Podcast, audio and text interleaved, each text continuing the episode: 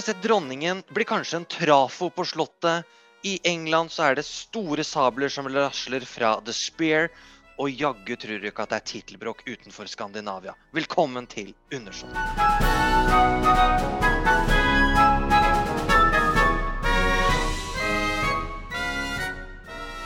Velkommen, Jørgen Kaupang Martinsen. Og velkommen til deg, Ole Jørgen Schulzer Hansen. Er I det dag- riktig å si eh, god morgen? Ja, god morgen. I dag er det god morgen. altså. Klokka er 05.57 når vi spiller inn i dag. Så her har vi vært oppe og nikka, altså. Ja, ja, ja. Her er vi på. Eh, ja. Og så har vi stilt klokka litt grann gærent. altså. Egentlig så er klokka 09.22. Men det er fortsatt tidlig en mandagsmorgen. For to, eh, to unge herrer så er jo 0922 det samme som 0557. Så Jeg kom rett fra et nach, jeg, så jeg skal ikke si noe. Nei da! Men, men, men, men. Men, men du, det skjer mye moro. Det skjer mye moro. ja, det har jo vært, eh, vært stor stas. Det har jo vært stortingsmiddag på Slottet. Vi må jo begynne der. Det er jo Flott skal det eh, være. Ja, det skal jo det. Jeg, det, jeg kommenterte jo det for TV 2, faktisk. Eh, Så jeg satt jo på, i studio på, på Bjørvika og så alle disse stortingsrepresentantene jeg ikke kunne navnet på, gå inn. Det er gøy. Her kommer stortingsrepresentanten. Mm, takk. Det, eh, jeg holder meg til de kongelige, tenker jeg. Det, Hva gjør det, du? Det er ja. lettere. Den brede bermen holder jeg meg unna. Så. Ja, ja, ja. Men du ser jo hvem Noen av dem ser man jo, på en måte. Ja, det, var jo, ja, det det er er jo- mange kjente der. Hele regjeringen var jo der, f.eks. Og Erna statsminister, holdt jeg på å si. Erna Solberg. Hun er ikke statsminister lenger. Nei, hun var Nå Hun var. Og du kjente jo på en måte igjen flere av de andre som var der òg. Så var det jo en del fra hoffet. Ja, det var mye fra hoffet, og de kjente jeg jo igjen. På en måte, det var jo selvfølgelig Når hoffsjefen kommer gående inn, da veit du at det Olav Heian Engdahl. Det er er lett, lett å se. Når Jeg syns det er så kult. Snutehatten.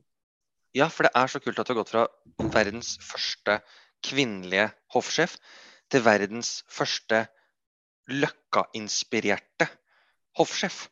Altså, det er så kult at vi har fått tak i en som er Han har jo det der fantastiske frisyren sin som passer inn på en eller annen sånn derre østkantstil med sånn god vibe i Oslo, med kaffe i handa. Liksom, du ser noe for deg, at han er ute og rasler med fjellrevensekken sin. Så kommer han på Slottet, så er han den strøkne karen. Det er jo dritstilig. Og så er det litt gøy, for eh, hvis jeg husker riktig, så brukte vel ikke Gry Møllerskog noe hatt da hun var hoffsjef.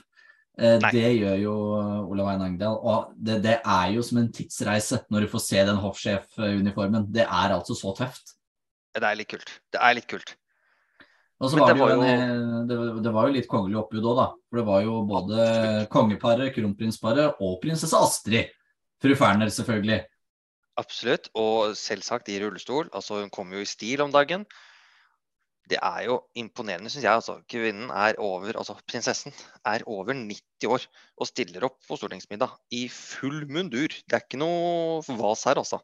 Nei, det er, eh, det er en litt sånn reserve førstedame, nesten. På en måte Hun har gått litt tilbake igjen til den rollen hun hadde sammen med kong Olav etter at han blei ble konge. At eh, hun, hun er med som en del av kongefamilien eh, veldig ofte. Ja, absolutt. Og vi skal ikke glemme det at prinsesse Astrid faktisk var Norges første dame i fryktelig mange år. Og fra hun var eh, meget ung, fra hun var 22. Det er eh, Vi kan sette nesten i perspektiv med dronning Elisabeth. De er eh, to eldre kvinner som har levd et langt kongelig liv. Men prinsesse Astrid var altså 22 da hun trådde inn i rollen som Norges første dame. Det er, det er noe vi har glemt, men Det jeg synes det er flott at vi ser henne fortsatt.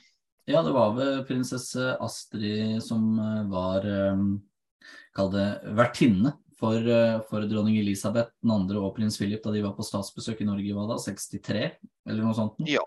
Jeg tror også hun var vertinne når uh, sjahen var fra Iran eh, for veldig mange år siden her.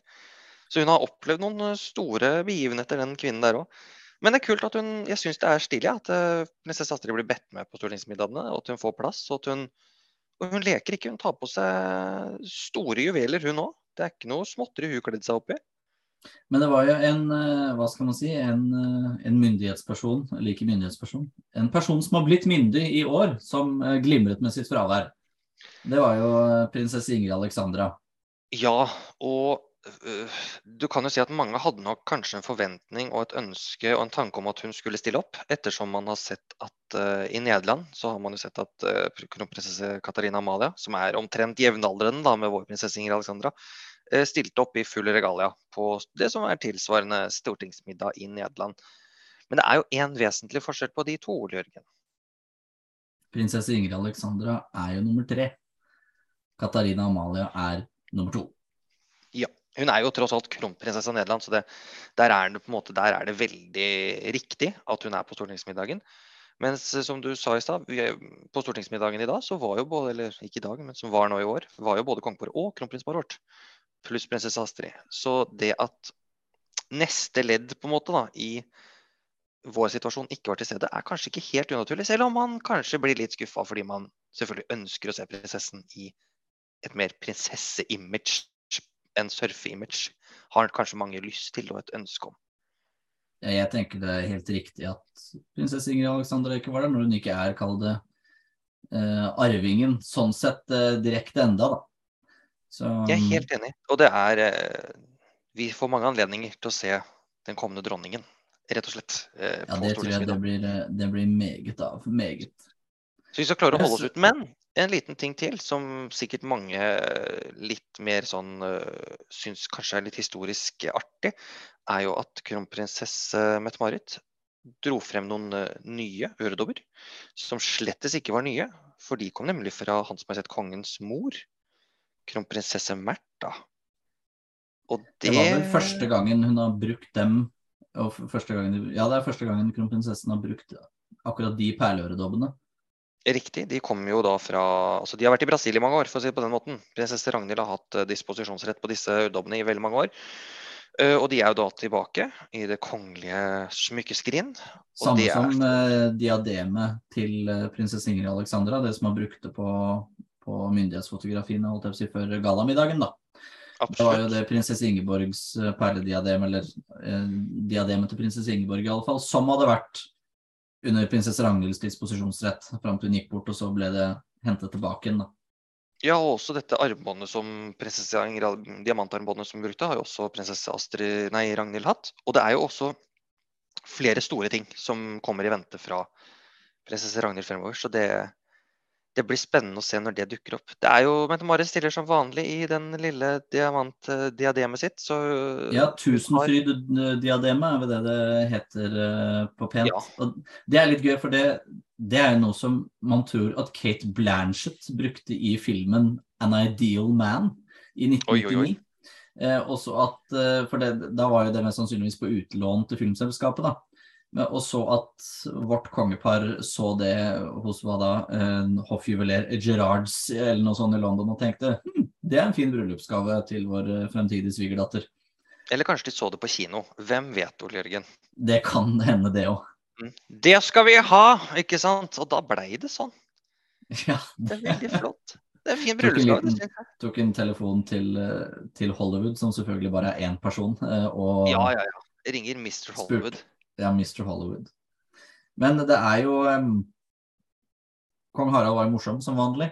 Uh, han Absolutt. begynte jo veldig bra, og det var jo nettopp det vi spilte på introen her, med at uh, Hennes Majestet og Dronningen har blitt trafo, ifølge, ifølge kongen. For de ja, skulle, ja, skulle, få lagt strøm i, uh, eller på Slottet, som da var laget av dronningens overskuddsenergi. Ja, det syns jeg er gøy, altså. Det er en fin Altså, han startet jo inn, inn der med ja, det kan hende det er litt kaldt her i dag, og det kan hende det er litt dunkel belysning, og vi har tatt til oss rådene fra Stortinget og ikke sant, hei og hå. Men vi har jo på en måte en løsning, og det er overskuddsenergien til dronningen. Så en honnør til dronningen, virkelig. Det er en litt annen tone nå enn det trollkommentaren kan du si, for noen år siden. Dette her var jo litt sånn uh, Dette var jo egentlig skryt, uh, ja, forkledd, for, forkledd som tull. Så det syns jeg at Hans Majestet Kongen skal, skal, få lov til. Og han, uh, han, satte, han satte jo litt lys på visse andre ting, og sånn som denne stortingskantina. Ja, at, og badstuene. Ja, det jo at, at at Stortinget, på en måte, Stortingets åpning, på en måte, så skal jo kongen ut før, før eh, den får avslutte møtet og sesjonen og litt sånt. Men, eh, men at det kunne nok hende at noen kongelige kom til å renne ned dørene der ettersom de hadde hørt så mye om den kantina som er der. Mhm. Øl og potet, og det var ikke måte på. Og han hadde Altså, jo stor medlidenhet også for representantene som nå ikke har badstue lenger. Da også lo han godt sjøl, tror jeg. Så det var litt artig da. Veldig fin, veldig fin tale, og tradisjon tro kong Harald, rett og slett. Ja, rett og slett virk, virkelig Hans Majestet i sitt ess, egentlig, altså. Det, med en gang han kaster de krykkene, så er han jo helt tilbake. Og det var jo faktisk et poeng. Det siste stikket, eller siste delen av talen hans var jo helt fantastisk når vi snakker om krykker her. Fordi øh, han ga for det første et inntrykk, eller kanskje han opplyste oss som folk, at eh, hans forhold med dronning Elisabeth av Storbritannia har nok vært ganske mye nærmere enn hva man på en måte offisielt har sett. Fordi det har, ja, gode, de har nok vært mer dialog enn hva vi kanskje har vært forespeilet. Og så hadde de vært i et selskap, og det må jo ha vært nå de siste årene. For da, Ja, det var privat, en privat tilstelning på en måte hvor de spiste middag. og som han da selv sier, Hans Majestet, er at uh, han er jo ikke så Som dere kanskje vet, så er jo lave stoler det er ikke, og stofar det er ikke helt min favoritt. Og så skulle han strekke seg etter disse krykkene, på en måte, og de også var litt langt unna. Og så legger han opp dette poenget med at dronning Elisabeth er en artig dame, som var, en måte, var en artig dame som også så situasjonskomikken, da, akkurat som Hans Majestet gjør. Og hun var en bitte, bitte liten dame, og Hans Majestet Harald er en stor, høy mann. Og så hadde da den lille damen, den lille dronningen, kommet bort, strekket fram harden og spurt skal jeg hjelpe deg, Harald, mens hun sto og lo og lo og lo av seg selv. Altså, det er jo helt fantastisk. Det var da kongen sa hun syntes det var morsomt, jeg syntes det var litt flaut. Ja, og det er helt lov. Ja, det var, det var en sånn herlig, herlig episode. en Litt sånn, han tok jo en, en oppsummering litt av på en måte året som har gått så langt, da. Både med strømkriser og kantinekritikk og det dronningdødsfall. Jeg syns det var fint at han fikk bakt inn akkurat det at uh, ja, den britiske dronningen var død på en så fin måte. Altså Det var en sånn Hei, jeg opplyser Stortinget og dere folkets representanter at min tremenning er død, men jeg sier det på en måte med en helt annen situasjon. Det var helt fantastisk. Virkelig lurt. Flott. Flott, Harald. Flott. Tusen takk. Men eh, fra, hva skal man si, den store spisesals eh, pompeianske kunststil, så skal vi jo eh, til en litt annen stil, om en skal kunne si det. For det er jo Det, det skal ikke legges skjul på at det er jo litt storm rundt det norske kongehuset om dagen. Eh, Ja. Med prinsesse Märtha Louise og sjaman Durek. Ja.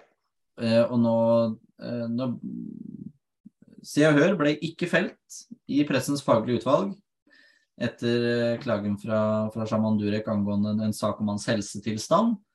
Eh, og nå livestreamer han på Instagram tidligere denne uken og sa at ingen i USA bryr seg noe om prinsessetittelen til eh, prinsesse Märtha Louise. Nei, riktig. Mens han tidligere, og jeg mener at det var i TV 2-intervju, sa det at nei, de elsker kongelige borte i USA. Ja, ja, ja. De lever jo Eh, for det. De har det jo ikke sjøl. Nei, og det Dette handler jo om på en måte økonomispørsmålet. Hva, hva tjenes på at sjaman Durek har med seg en prinsesse? Og Mm. i det ene segmentet så betyr det ingenting, i et annet segment så betyr det alt. Ja. Det er jo litt spesielt. Det er jo ikke helt jo- heldig for og er verken monarkiet eller for dem to. Altså, Shaman Durek er jo en markedsføringsmann ut av rang. Han er- driver jo PR. Og det å tilpasse budskapet sitt til der hvor han befinner seg til enhver tid, det har jo vist seg å være Han er ikke god på det, men han prøver det. ikke sant? Vi gjennomskuer det litt for lett her i Norge, mens i Amerika så kanskje man, han er vant til at de ja, ikke er lite kritiske. På en måte like tydelige på at du nå sier du to ting med samme mynt her. Mens i Norge så vil vi jo avsløre sånt ganske raskt ved at vi følger litt med. Som du nå trekker frem at eh, i én sammenheng så kan man sitte og si at nei, amerikanerne det, det er folk som ikke tenker på de kongelige. Det er ikke noe viktig for dem om hun heter Märtha eller om hun heter prinsesse Märtha. Mens han i en annen situasjon kan sitte og si at eh, det er det som på en måte gjør at hun er spennende, og det er det som løfter oss frem som par, på en måte. Ikke at han knytter det egentlig til noe annet, men at han opphøyer dem, da, på en måte seg selv, ved at hun er kongelig. Nei, det er eh, Han der, der er en nøtt. Og det er, jeg tror flere og flere skjønner og forstår det her har ikke noe med det norske kongehuset å gjøre. Dette er en prinsesse som har funnet kjærligheten med en litt alternativ mann. Eh, Jeg tror og håper at flere og flere skjønner at dette her er ikke en bevisst strategi da, for det norske kongehuset som de har lagt fram. Det, for å si sånn, Jeg tror ikke dette står nedskrevet i årsrapporten. Nei, Men, det tror ikke jeg heller. Eh, vi, vi, skal jo holde oss litt til, litt til uh, prinsesse Märtha, for det Er det Maud Angelica Behn som er med på Maskorama, Jørgen? Og tenk deg det, Ole Jørgen. Her sitter vi altså i kongelig podkast og snakker om NRK-produksjon Maskorama. Hvem skulle trodd Nei, det hadde jeg faktisk ikke trodd.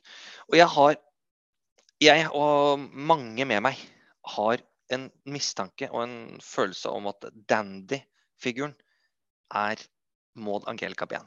Jeg skal for, det, dette noe, det, for, dette var noe Instagram-post og noe sånt som hadde mm, på en måte ja, avslørt et eller annet? Både det ene og det andre. Eh, for det første så har man på en måte Eh, disse hintene som gis da til disse Maskorama-figurene, en del av de peker på en måte mot ben. Det er et ben der som kan være en direkte Det er litt åpenbart, selvfølgelig, men det er, ligger der. Eh, vi har også at figuren har jo tegna et lite hjerte under det ene øyet sitt. Noe som man ser at uh, Maud Angelica ofte gjør, enten med hjerte eller stjerne. Altså, også i disse store portrettintervjuene hun har gjort, så har hun tegnet opp det. det har også vært noen frosker inne i situasjonsgreiene her som kan knyttes til Arve Juritzen, som var frosken i Maskorama i fjor. Som er forlaget som tråd, altså boken 'Tårer av tråder', eller 'Tråder av tråder', tår, fra Modagelka Ben er gitt ut på. Det er også en del tråder som er Det er ganske mange ting.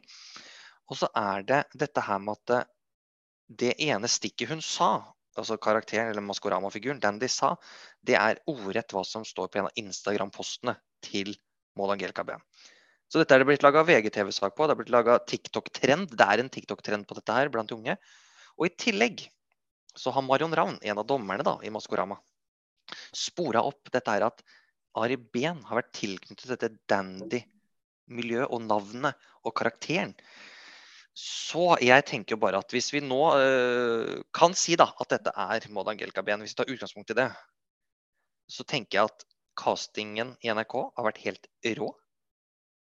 Og så tenker jeg bare at det at barnebarnet til kongeparet er med på dette her, det er stilig. Det er så stilig. For hun, er, altså hun vil jo ikke ha noe offisiell funksjon i Norges offisiell sammenheng uansett. Måte, det er ikke noe krise, dette her. Men det er gøy hvis dette viser seg å være kong Harald og dronning Sonjas barnebarn. Det, det, som er litt gøy, ja, det er jo det nærmeste Jan Thomas kommer til å ha hatt rett i Maskorama. For han mener jo det at alle sammen er prinsesse Märtha Louise. Så det at dattera hennes muligens er med, det er det nærmeste han kommer. Ja, det er det eh, nærmeste. Det er faktisk det. Men eh, Maskorama er én ting, men Mike Tindal, altså Åssen blir dette? Han er gift med eh, Sarah Tindal, som er datteren til prinsesse Anne. Og hun er ja, i altså- tillegg da niese til kong Carl den tredje, som du er så opptatt av at han heter. Flink er du. Ja, takk skal du ha. Jeg har lært, vet du. For han skal være med på det, er det jungelreality eller noe sånt? På New Zealand. Oh, har fått, har fått eh, Ikke ta dette helt for sikkert, altså, for dette bare skumma jeg fort gjennom. Fått 600 000 pund for å delta. Denne tidligere Da hadde jeg også dratt i jungelen, ikke sant. Det er ja. noe med det. Det er ikke noe å tenke på engang. Da, skulle jeg, liksom- da, skulle jeg, da kunne jeg lekt jungel. Jeg kunne lekt jungel her i, i, altså, på Svalbard. Jeg kunne laga ja. jungel der, og jeg får seks millioner. Så kong Haralds barnebarn i, eh, i Maskorama og dronning Elisabeths svigerbarnebarn i jungelreality. Der har vi det også. Sånn har det blitt med de kongelige. Mm. Men eh, vi, skal jo, vi skal holde oss enda litt til i Norge på en liten siste, siste del. For det har jo kommet eh, det som jeg vil kalle et eh, praktverk av en billedbok. Skrevet av Tor Boman Larsen, eh, og bilderedaktør har vært Jan Haug fra Det kongelige hoff. Å jøss, det er flott. Det er flott, ja. Det, boken heter da 'Fire konger og en dronning'. Kong Haakon den syvendes arvinger på den norske tronen. Oi. Eh, og disse fire kongene, det er da kong Haakon, kong Olav, kong Harald, den fremtidige kong Haakon den åttende, og denne ene dronningen er da den fremtidige dronning Ingrid den første. Ja. Og her så går det jo sånn veldig dynastisk sett da, gjennom disse livene eh, med fantastiske fotografier hentet ut fra på en måte både det private og offisielle. Det er jo fantastisk, da. At man har fått tilgang på dette også i utgangspunktet, er jo helt fantastisk. Det første bildet er jo selvfølgelig det, Kapittelet heter bare 'Bilde'. Og Ja, okay. er da bildet fra 21.1 eh, i år under statsrådet, hvor du har alle fem eh, i samme fotografi. da, Med bysten av kong Haakon og kong Olav bak kong Harald i statsrådssalen, kong Harald i midten, kronprinsen på kongens høyre side og prinsessen på hans eh, venstre. Det er, en, eh, det er et sterkt bilde for eh, hva monarkiet faktisk er, og hva Norge er. Altså Norgeshistorien knyttes jo til disse fem hodene. Og det trekkes jo, trekkes jo tråder i, i mang en retning. Det, det skrives om kongespeilet og, og om, eh, om hvor prinsesse Ingrid Alexandras navn kommer fra. Ingrid er et gammelt dronningnavn, mens Alexandra det trekkes jo da langt tilbake, helt tilbake til keiser Alexander 3. av Russland. Og Volde, At, Istedenfor å bare gå til kong Olav, liksom, som egentlig Men- men det er nettopp det, da. Det er- Det går gjennom kong Olav til Alexander, til hans bestemor, dronning Alexandra av Storbritannia, og så da til eh, kong Haakons onkel, da, tsar Alexander 3. For i, da kong eh, Haakon eh, bodde i London under krigen, så hadde han fortsatt med seg et portrett av keiser Alexander 3. som hang på rommet hans. Ehm, og keiser Alexander 3. døde i, 19, i 1894. Så det var, nesten, det var jo nesten 50 år etterpå. Ja, Jøss. I alle er dager, hvorfor skulle han gå rundt med det? Ja, keiser Alexander var favorittonkelen. Er jo sånn Det det, frem, fremstår. Onkel Sasha, som eh, Hans partytriks var å rette ut hestesko. Da, eh, da er du sterk. Da er du sterk, da er sterk, da, ja. Men dette Ingrid-navnet også, sånn, hvis jeg skulle liksom sånn, uten å begynne å forske i dette, så hadde jeg jo tenkt at eh, her har man jo dronning Ingrid fra Danmark, som har vært en kjær tante, et hyggelig familiemedlem som man kanskje har lyst til å hedre og ære. Og, Alexandra, som da kommer fra kong Olav. Altså ville vært en naturlig trekning, men selvfølgelig, det ligger mye Vi, mer bak dette vi enn hva historikere trekker jo enda lenger bak. Ja, så dere er litt flottere på det, vet du. Ja, pompøse. Det er fælt å si, men det er det vi er. Det, Torbjørn Larsen skriver jo om, om disse andre Ingridene i, i kongesagaene, da. Som er, de er jo ikke dronninger i, eh, i navnet, på en måte, bare i tittel. Eh, Så de, de er jo inngiftet, men er jo da kong, kongemødre, rett og slett. Og så er det jo en Det har jo kommet frem tidligere eller senere at eh, man vurderte jo flere navn til prinsessen da hun ble født. Og Tyra Eufemia var jo et reelt alternativ som kronprinsessen og kronprinsen hadde på sin plansje. Men at mm, Det hadde vært tøft med en dronning Eufemia liksom om, Ja, om en 20, kronprinsessen sa, vi 30-40 år. turte ikke på det tidspunktet å gjøre det. Men hadde hun blitt født i dag, så kanskje vi hadde hatt en prinsesse Tyra. Og så tenkte jeg at dronning Tyra Eufemia, det er ganske Det høres ut som ei gammel tante, da. Så det hadde jo grodd seg inn i navnet sitt. Jeg ser jo for meg at navnet hadde vært Tyra Eufemia, men navnet som ble brukt, var Eufemia. Er på en måte litt, litt sånn som alle, alle andre kongelige har 18 navn, eh, men det er bare ett som brukes. Ja, det kunne jo absolutt vært det. Men jeg er glad egentlig for at det ble Ingrid, jeg også. Ja, Ingrid Alexandra, det, jeg syns det, det, det har mer kongelig sjung over seg. Tyra var et gammelt dansk eh, prinsessenavn, da. Så sånn sett så hadde ikke det vært, vært gærent det med Eufemia. Ja, det hadde ikke gjort noe. Kanskje for å dra det helt tilbake til liksom Harald Hårfagre, Gyda. Tenkte jeg det dronning Gyda. Jeg, Jeg lurer på om du eh, hadde fått noe oppsving i det hele tatt hvis flere hadde blitt kalt Gyda.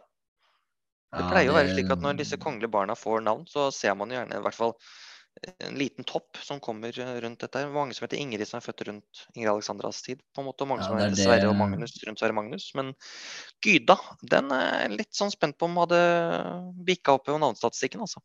Ja, det er kongen, kongenavn og, eller kongelige navn og Game of Thrones-navn. Det er det som går igjen. Men vi skal jo eh, en liten tur eh, rett over Nordsjøen. Vi skal til Storbritannia. Vi skal til Storbritannia en tur. For der Ja. 10. januar det blir en dag. For da lanseres boka til hertugen av Sussex, prins Harry. Hans biografi slash memoarer. Og den har jo da fått tittelen The Spe altså Ja. reserven. Ja.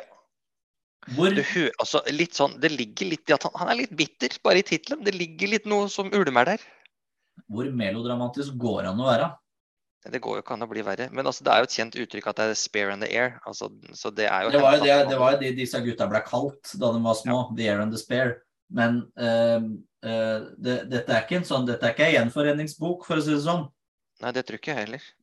Det, jeg leste i Daily Mail at uh, advokaten i Buckingham Palace står klare på streken holdt jeg på å si, for å angripe denne boka i alle mulige vendinger, ettersom den er nok ikke redigert for å bli eh, mer eh, hva skal man si, tilbøyelig, eller ha, ha større tilbøyelighet til, til monarki. Det er nok mer at den skal bli krassere etter bortgangen til dronning Elisabeth 2.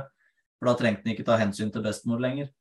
Jeg er veldig spent. Ja. Altså, dette her er jo på en måte et uh, Dette er jo en bok som prins Harry, uh, eller prins Henry, som han faktisk heter, er ute og Henry Charles om Albert David.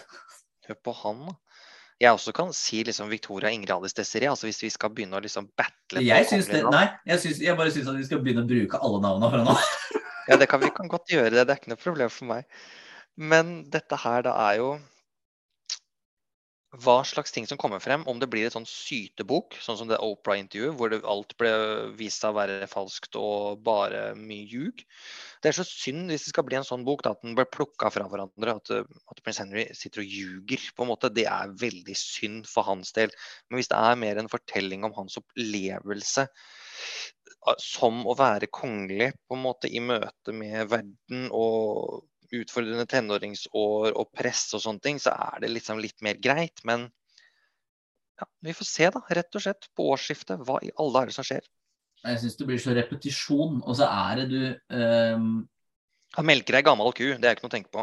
Ja, og så sparker han i tillegg, eh, på en Ja. måte, for, for eh, Nedover og ikke oppover. monarki er jo forsvarsløst ovenfor eh, de anklagene som prins Harry kommer med. Og det vet han svært godt selv. Ja, det er det én ting, en ting han er klar over, så er det det at her får jeg ikke noe Er det ingen som tar til motmæle, for det har de ikke lov til. Ingenting. Og det er så for en forferdelig posisjon å sitte i, egentlig. De kommer Ja. til å bli rakka ned i huet og ræva. Det kommer til å være kapitler eller deler av den boka der som mm, blir saumfart av journalister og trukket ut og vridd på. Og da kan de ikke si noe som helst. Jeg eh, håper egentlig det at uh, briti britiske medier kommer til å skrive masse om det, men at de i sakene tar monarkiet sin side. For det er jo ingen som, De er jo ikke så veldig glad i prins Harry, egentlig. Sånn, Nei, ikke nå lenger. etter- Han har tatt seg, stakkars. Der kan du snakke om å falle fra sin høye hest. Ja, virkelig. Men vi skal jo til en annen reserve, som ikke engang ble født som reserve, men ved en grunnlovsendring ble det. Og det er prins eh, Carl Philip i Sverige. Tenkte jeg det. Han har vært konge for noen det. dager. Carl, altså, Kong Carl Philip også, det har vi hatt nå sånn omtrent da.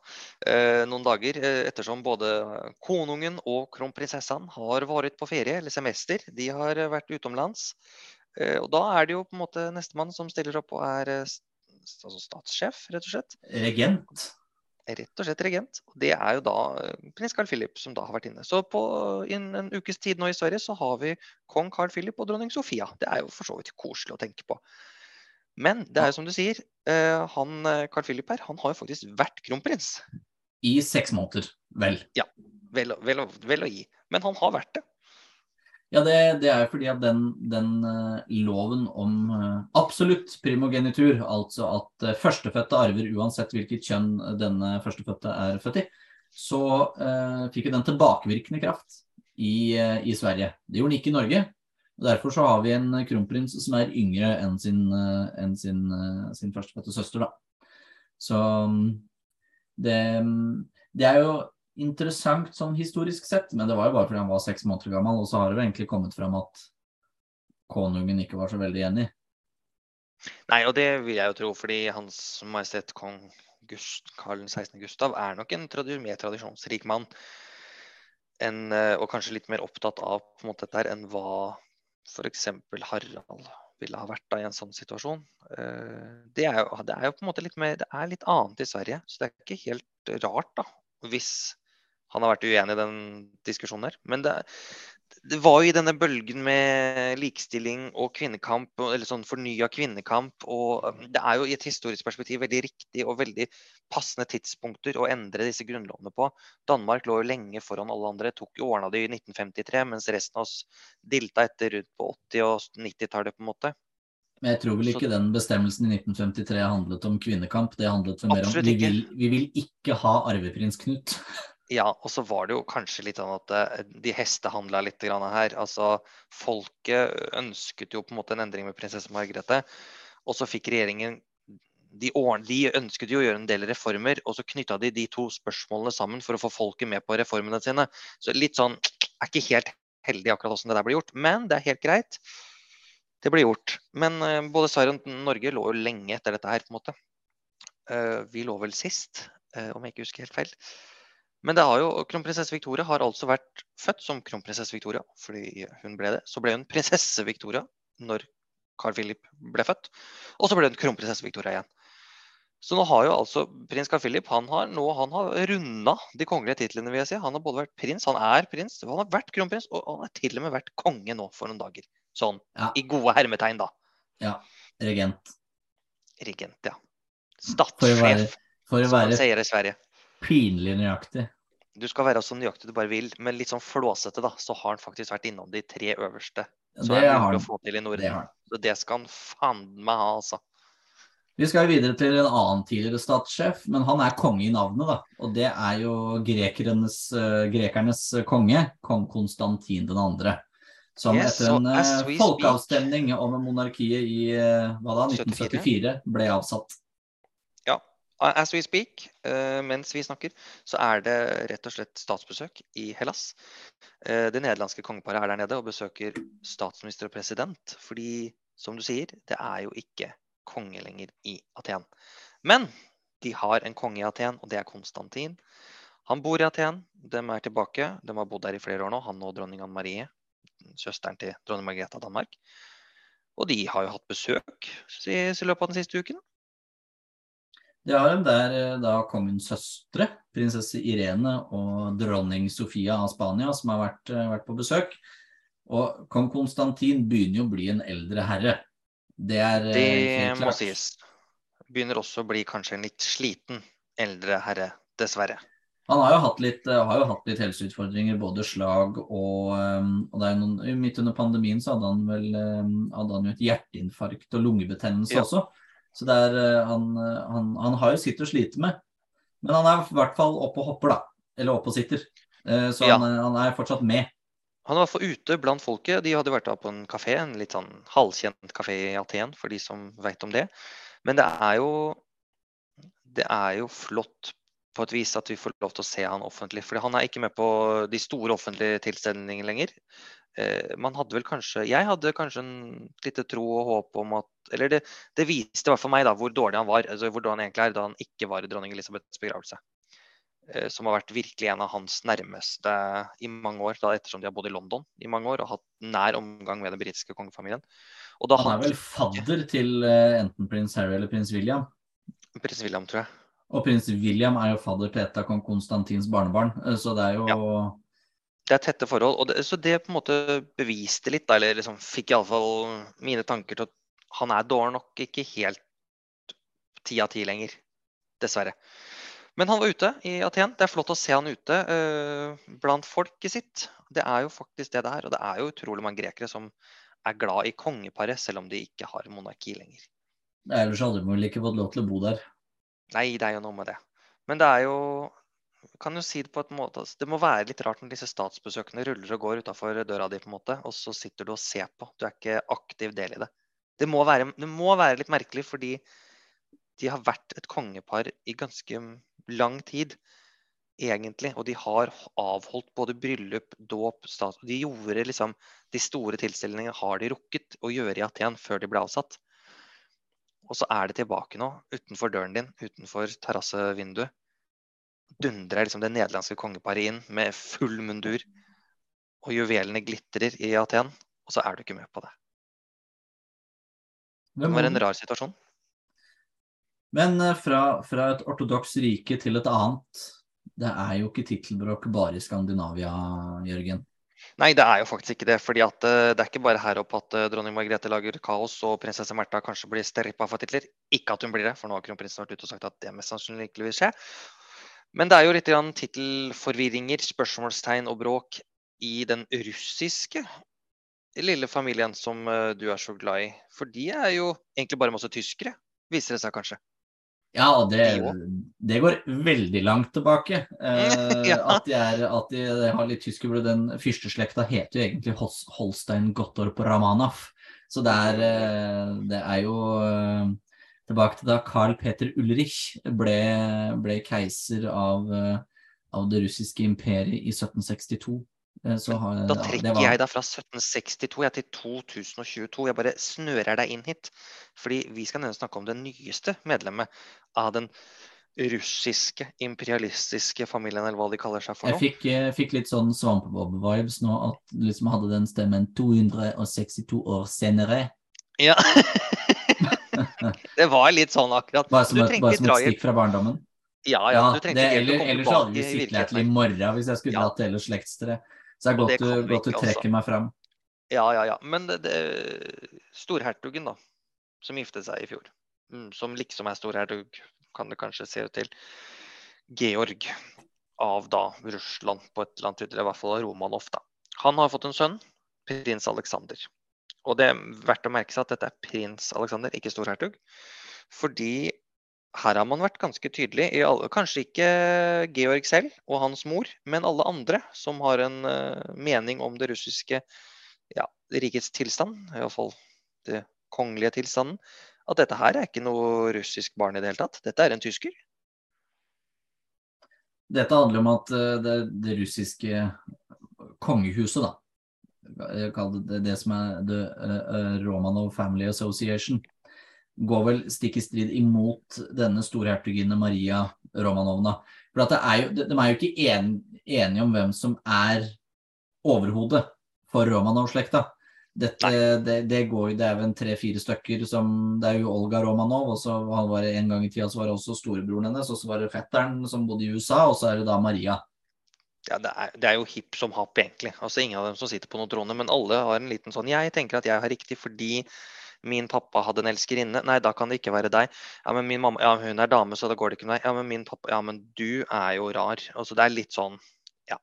Det er litt sånn, hvem skal vi egentlig velge her? De leker hatt over hatt hele gjengen. Ja, og så er det jo da i, i Russland så er det jo en agnatisk eh, arvefølge. Altså det er herren holdt jeg på å si, som skal arve, arve tronen. Og storhertuginne Maria er jo da en kvinne og er gift med en prins av Prøysen. Derav så er ikke Georg noen storhertug av Russland, han er en prins av Prøysen. Og Derfor er også deres nye sønn, også Georg og Victoria, de har da fått en sønn som heter Alexander, prins Alexander av Prøysen. Ikke storhertug Alexander av Russland. Stor forskjell. Ja, men, men litt sånn uh, disse, her, altså, disse reglene, da, kan vi si, uh, om han- og hunnkjønn og slike ting. Det, hvordan vil de stille seg i en uh, 2022-verden hvor man kan identifisere seg som både det ene og det andre, Ole Jørgen? Kunne man, hvis Maria kjenner på at nei, vet du, jeg er litt mann, jeg. Kunne man juridisk da rett og slett fått dette gjennom? Jeg bare stiller de store spørsmålene, og så lar jeg kanskje de henge litt. Ja, det kan du gjerne la henge, for det der er et minefelt jeg velger ikke å tråkke ut på. Det er akkurat det der. Eh, så, men jeg, jeg ja, vi lar det være der, tenker jeg. Kanskje, kanskje ikke. Hvem vet. Godt spørsmål. Tror ikke det kommer til å ha så mye å si for monarkiene. Ikke jeg heller. I hvert fall ikke det, det russiske. Nei. Nei. Egentlig. Nei, og i hvert fall ikke russisk. Oh.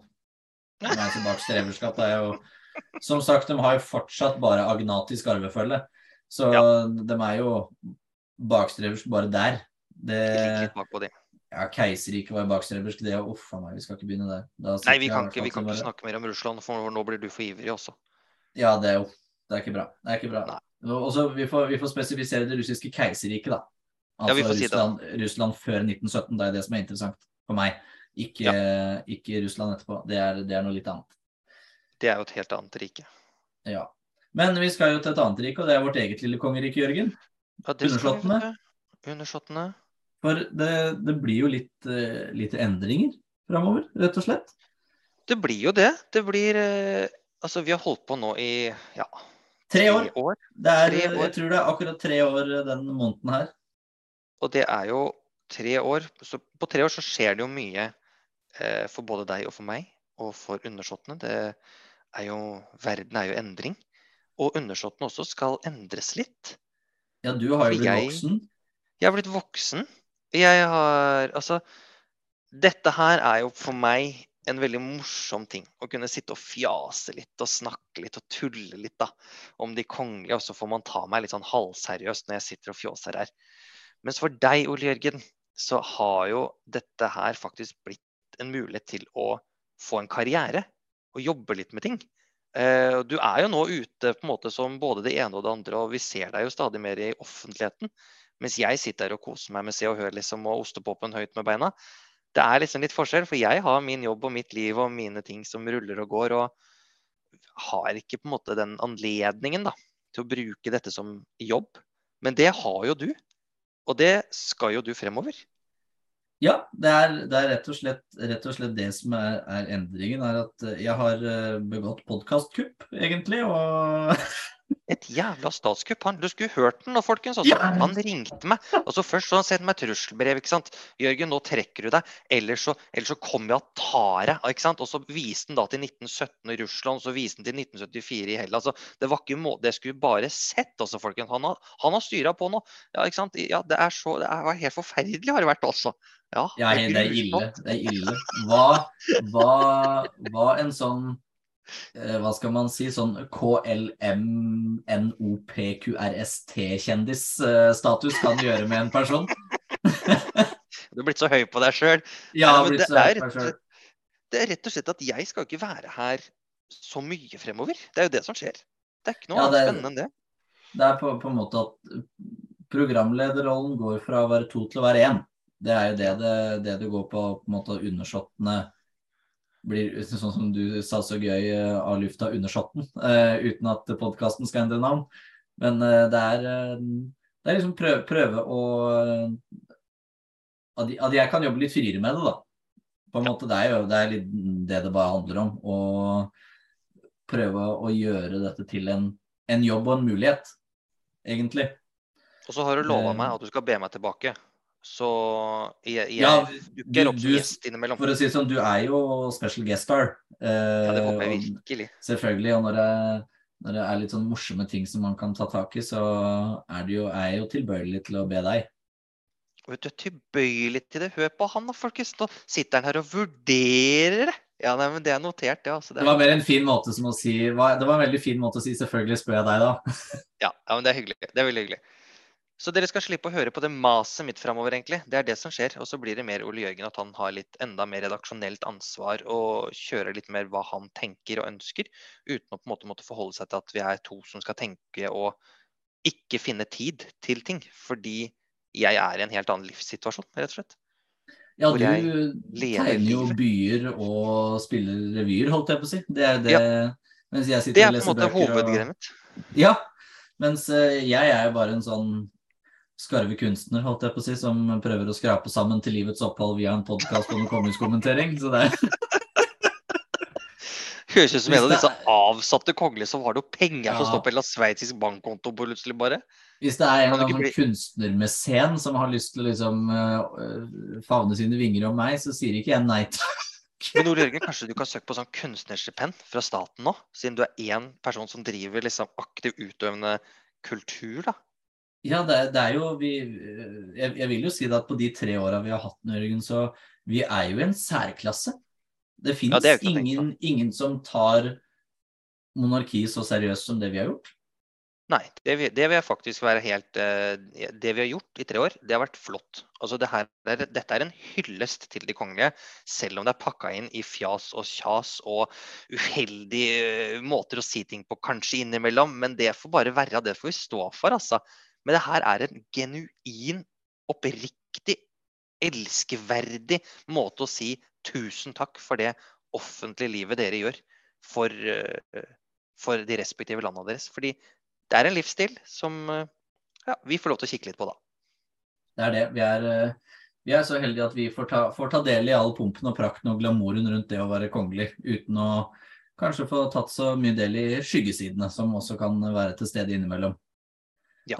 Medaljen er alltid en bakside, selv St. Olavs-medaljen. Tenk deg det. Tenk det. Det er ikke bra. Men da er det ikke så mye annet egentlig enn å takke Ønske for tre deg lykke til. Takk, men også takke deg, Jørgen, for tre fantastisk morsomme år i podkasten. Det, det, har vært eh, veldig moro. Og også, også, en eh, takk for at du lar meg knabbe podkasten og løpe, holdt jeg på å si. Det er jo, ja, det er jo stort av deg, det òg. Ja, ja, men det skal man gjøre. Og så er det sånn at eh, for dere som hører på, at Ole Jørgen og jeg, vi kjenner hverandre fra før. Dette er ikke bare, det er ikke bare to stykker som aldri kommer til å snakkes videre igjen, liksom. Nei, nei, bare for et par dager siden så pratet vi om maling. Ja, ja. Men jeg kommer til å kjefte på han, jeg kommer til å rette på han, jeg kommer til å komme med gode innspill til hvordan han skal drive denne postkassen framover. For han får faen ikke lov til å kjøre den i grus for det, dette her. Eh, vi får se på hvordan det blir. Jeg bare Plutselig så sitter jeg her aleine igjen. Da har han kasta ut. Vi vet ikke. Altså, det er altså Hvem veit? Hvem veit? Oi, der ble. Eh, se, og på det Begynte å allerede. Begynte å surre allerede. Ja, det er, sånn, det er sånn som skjer når du får meg til å le. Da ramler alt fra hverandre. Uff a meg. Men, Nei, men folkens uten å dra fiolinspillet for langt. Ja. Takk for nå, Jørgen. Vi snakkes plutselig. Og til alle våre lyttere Vi lyttes.